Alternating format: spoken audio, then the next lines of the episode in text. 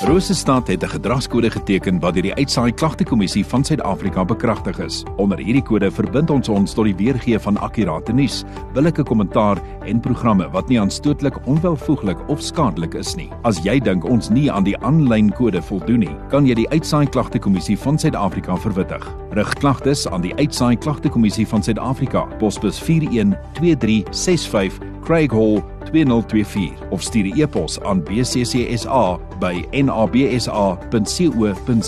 Vir verdere inligting, besoek www.bccsa.co.za.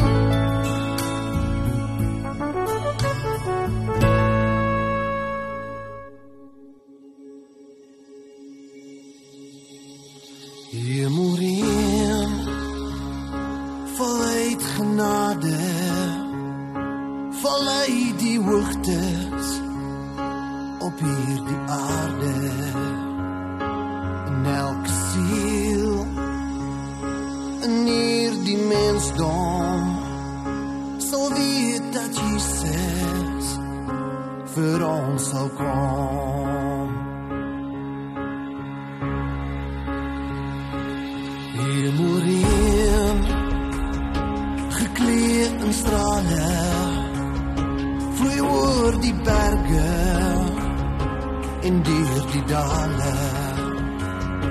En elke mens genees gebroken word in sy naam weer gebore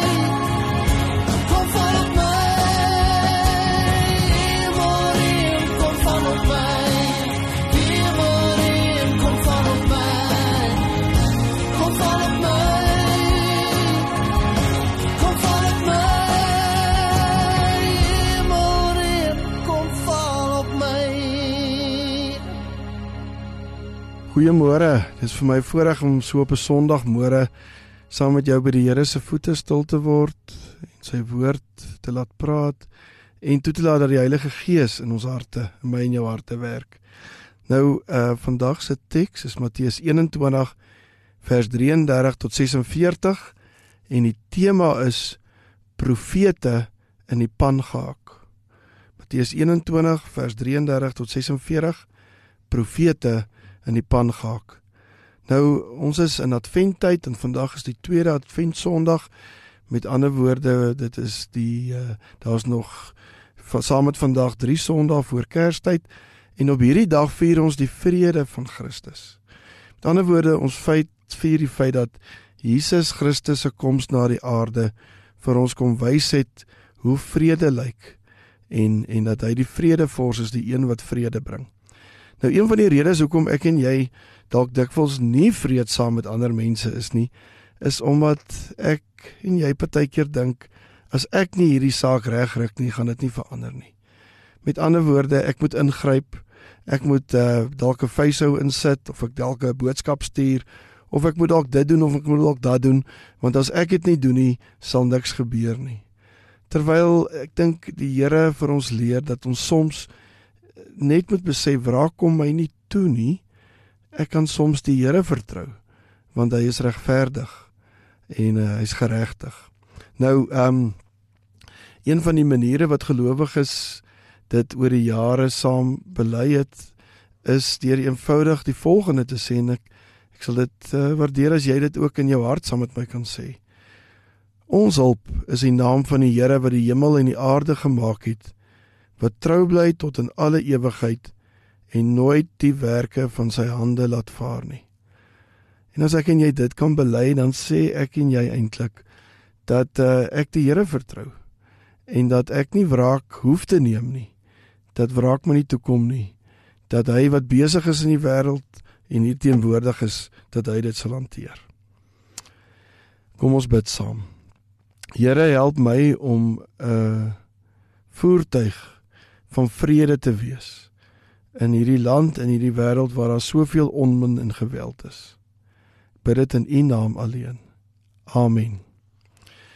Goed, nou ek wil vandag voordat ons uit Matteus 21 vers 33 tot 46 lees, wil ek so vinnig 'n uh, stalkie vertel wat by die gelykenis aanteel aan aansluit en ek wil graag hê jy moet saam met my so 'n bietjie jou verbeelding gebruik en jou net inleef in die volgende scenario. Verbeel jou jy spaar vir baie jare en jy besluit jy gaan 'n stukkie grond koop daar in die Kaap, daar in die wingerde en die mooi tussen die berge die die uh, waar die waar die wynlande is. Kry jy 'n stukkie grond te koop teen 'n billike prys. Jy gaan bly daar in die Kaap en jy vestig vir jou 'n pragtige wingerd. Jy plant dit natuurlik van van van nuut af. Daar is niks op die grond nie. So eers moet jy alles skoonmaak en dan begin jy die stokkies in die grond druk en jy begin met jou wingerd Terwyl die wingerd groei, bou jy 'n pragtige kelder. Jy sit 'n elektriese heining op en jy bou 'n huis waar uh, jy sal kan woon. En die hele proses van die grond regmaak totdat die eerste oes inkom en alles gebou is, vat jou so om en by 10 jaar. En na hierdie 10 jaar van baie harde werk en min rus, besluit jy ek nou hard gewerk, ek het 'n groot belegging gemaak, ek gaan nou op reis. Jy hoor van iemand van jou familie, van jou vriende wat 'n gesin wat regtig swaar kry met 'n man wat sy werk verloor het en eintlik baie hard kan werk. En jy besluit jy gaan hierdie stukkie grond aan hierdie gesin, aan hierdie man en sy vrou en sy kinders gaan jy verhuur. En jy gaan hulle daarmee vertrou. En jy sê met hulle ooreenkoms, jy sê vir hulle luister, julle kan op hierdie pragtige plek tussen die berge bly. Julle kan die oes met julle inbring. Die werkers is reeds hier. Julle moet net seker maak alles gebeur reg en so. En Al wat ek wil hê is 50000 liter van die van die uh druiwe wil ek hê sodat ek my eie wyn kan bottel en die res kan jy hou en jy weet ook met die somme wat jy reeds gemaak het en die goeie oeste wat ingekom het dat dit meer as genoeg is vir 'n gesin om baie lekker van te leef en al hulle behoeftes sal uh, sal sal sal kan uh, kan uh, kan gedoen word. Goed. En dan hoor jy terwyl jy weg is daar was 'n wonderlike groot oes gewees en jy besluit jy gaan jou tapkar stuur met twee werkers om jou wyn te gaan tap sodat jy dit kan bottel. Later die dag bel iemand jou. Jou tapkar staan in die pad en die werkers is weg. Jy is ontstel, maar jy vertrou dat hulle waarskynlik gedros sit en besluit het hulle het beter werk om te doen. Die volgende week stuur jy weer jou tapkar met 'n bakkie daarmee saam met werkers om die wyn te kry en te gaan tap en seker te maak dat daar nie weer 'n paar is wat dros nie. Hulle kom nie terug nie. En later kom een van die werkers by jou deur klop. Hy's bebloed en hy sê vir jou die tapkar is aan die brand gesteek. Die bakkie is gesteel en al die ander werkers is deur die huurders vermoor. Jy is ontstel en jy besluit jy gaan jou seun stuur om te gaan uitvind wat daar aangaan want jy weet hulle sal nie waag om hulle hande vir jou seun te lig nie. Jou seun kom ook nie terug nie. En later kry jy die boodskap dat hulle jou seun buite by die hek van die ehm um, eiendom uitgesleep het van die landgoed en daar met klippe doodgegooi het. My vraag aan jou vandag is wat sal jy doen? Wat sal jy doen as iemand dit met jou eiendom, jou werkers, jou tapkar, jou grond doen? Iemand wat jy weer probeer goed wees het. Kom ons lees nou die teks en ons hoor so ietsie van dit ook in dit wat die Here Jesus hier vertel. Ons kyk dan nou na Matteus 21 vers 33 tot 46. Luister na 'n ander gelykenis. Daar was 'n grondeienaar wat 'n wingerd aangeplant het. Hy het dit omheen 'n parskyp daarin gegrawe en 'n wagtoring gebou. Toe het hy dit aan landbouers verhuur en op reis gegaan. Toe die oestyd aanbreek het hy sy slawe na die landbouers gestuur om sy opbrengs te ontvang. Maar die landbouers het sy slawe gegryp, een afgeransel, 'n ander een doodgemaak en nog een gestenig. Hy het weer 'n ander slaaf gestuur, nog meer as die eerstes, en hulle het dieselfde met hulle gedoen. Uiteindelik het hy sy seun na hulle gestuur met die gedagte: "Hulle sal my seun met respek behandel." Maar toe die landbouers die seun sien, het hulle onder mekaar gesê: "Dit is die erfgenaam van uh, die. Kom ons maak hom dood en kry sy erfdele in hande." Hulle het hom toe gegryp, uit die wingerd uitgegooi en doodgemaak. Wanneer die eienaar van die wingerd kom, wat sal hy met daardie landbouers maak? Hulle sê vir hom, hy sal daardie slegte mense 'n aaklige dood laat sterf en die wingerd aan ander landbouers verhuur wat aan hom die opbrengs op die regte tyd sal lewer. Jesus sê vir hulle, het julle nog nooit in die skrif gelees nie? Die klip wat die bouers afgekeur het, juis dit het die hoeksteen geword. Van die Here het dit gekom en dit is 'n wonderlik in ons oë. Daarom sê ek vir julle, die koninkryk van God sal van julle weggeneem en aan 'n volk gegee word wat vrugte daarvan sal lewe. Wie op hierdie klip val, sal verpletter word. En as dit op iemand val, sal dit hom vergruis. Toe die leier priesters en die fariseërs Jesus se gelykenis hoor, het hulle besef dat hy van hulle praat. Hulle wou hom gevangene neem, maar was bang vir die skare omdat die hom as 'n profeet beskou het. Nou net tot sover wat ons vermoere saam lees. Nou die maklike deel van hierdie gedeelte, die teks is om te verstaan wat word met die verskeie karakters in hierdie gelykenis bedoel. Wel die eienaar is ooglopend, is God. En ehm um, dit was algemeen in daardie tyd dat plase uitverhuur word ehm um, aan uh aan iemand wat die plaas uh bestuur terwyl die eienaar ander dinge het wat hy of sy moet doen. Dan weet ons die huurders is die volk Israel. En dit was 'n groot voorreg en 'n groot 'n reddingsboei Wanneer 'n eienaar van grond na jou toe kom en vir jou sê ek wil graag hê jy moet my grond bewerk, want dadelik het jy 'n huis, jy het 'n inkomste, jy het 'n weldoener, 'n eienaar waartoe jy kan gaan, kan vra vir hulp. Dit was 'n baie baie groot voor, voorreg om dit te kan doen. Goed, so die werkers kom dan na die eie eiendom as verteenwoordigers van hulle eienaar en daarom behoort hulle met respek hanteer te word en aan die seun, weet ons is Jesus. So goed soos die eienaar self uh was Jesus die seun. Nie net die verteenwoordiger nie, maar hy kom in die naam van sy Vader. Met ander woorde as jy jou seun gestuur het, dan was dit so goed jouself gaan na die grond toe. Dit was jouself jou verteenwoordiger wat dan gekom het. Nou die boodskap is duidelik. God het sy volk in liefde gekies om op sy grond te boer. Hy het hulle alles gegee wat hulle benodig om goeie vrug te dra. Hulle het afgedwaal en het aangejaag. Hy het prof, profeet na profeet gestuur, maar hulle het die profete doodgemaak en wou nie luister nie. Later sou hy sy seun stuur. Selfs sy seun word nie ontsien nie. Jesus vertel dit vir die geestelike leiers omdat hulle die voortou neem in die moord van die profete en selfs later Jesus se eie lewe die seun. God sou meer van die godsdienstige leiers verwag as wat hulle op die oomblik gedoen het en in verlede oomblik doen en verlede gedoen het. Die moeilike vraag is wat beteken dit vir my en jou vandag? Waarom hou die eienaar aan om mense te stuur?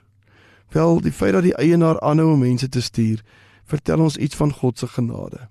God gee nie moed op nie. Hy sou die eerste keer al kon sê, "Basta met dit ek jaag jou van die grond af en ek doen dieselfde met jou as wat jy aan my werkers gedoen het."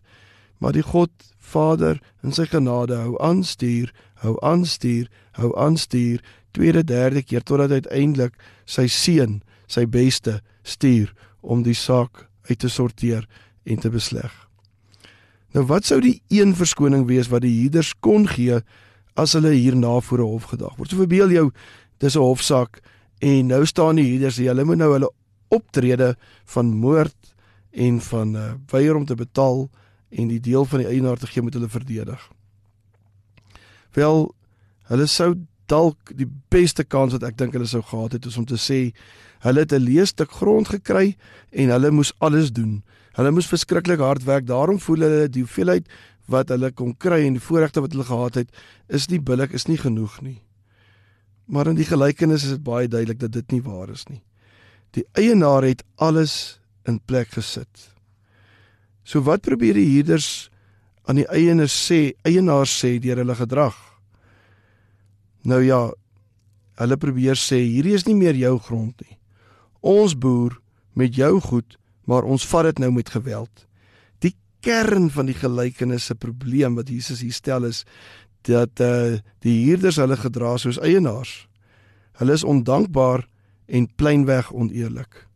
Ten diepste is die rede waarom die profete en seun doodgemaak is, 'n sin van eie reg.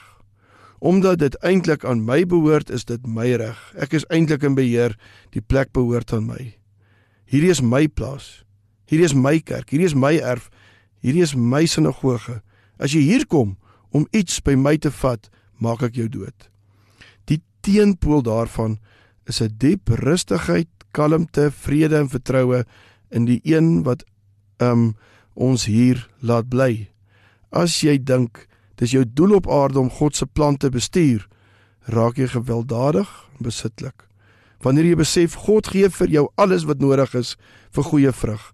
Wanneer jy besef dat die wingerd en jy eintlik aan God behoort. Wanneer jy besef dat al wat die Here vra is dat jy 'n goeie rentmeester is, dan sal jy dan sal ek in kalmte en vrede vir God gee wat uiteindelik in elk geval syne is wat aan hom hoort, hom behoort. Dan sal ek en jy dankbaar wees vir elke gawe uit God se hand. Dan sal jy nie bedreig wees deur boodskappers van God nie, maar hulle in liefde en gasvryheid verwelkom.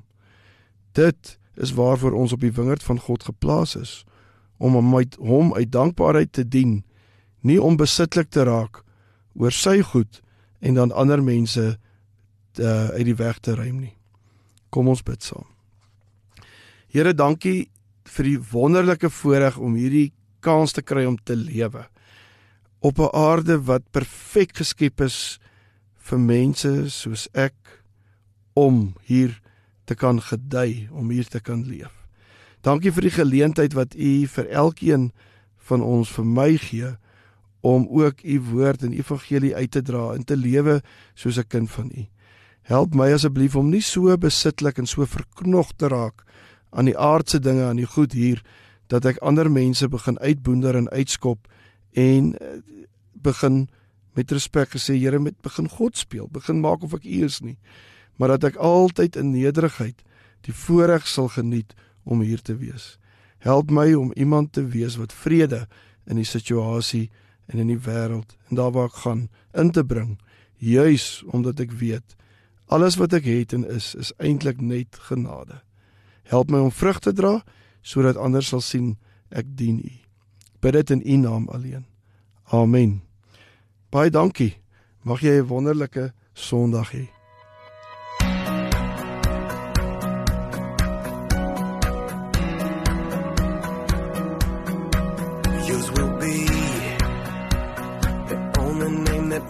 to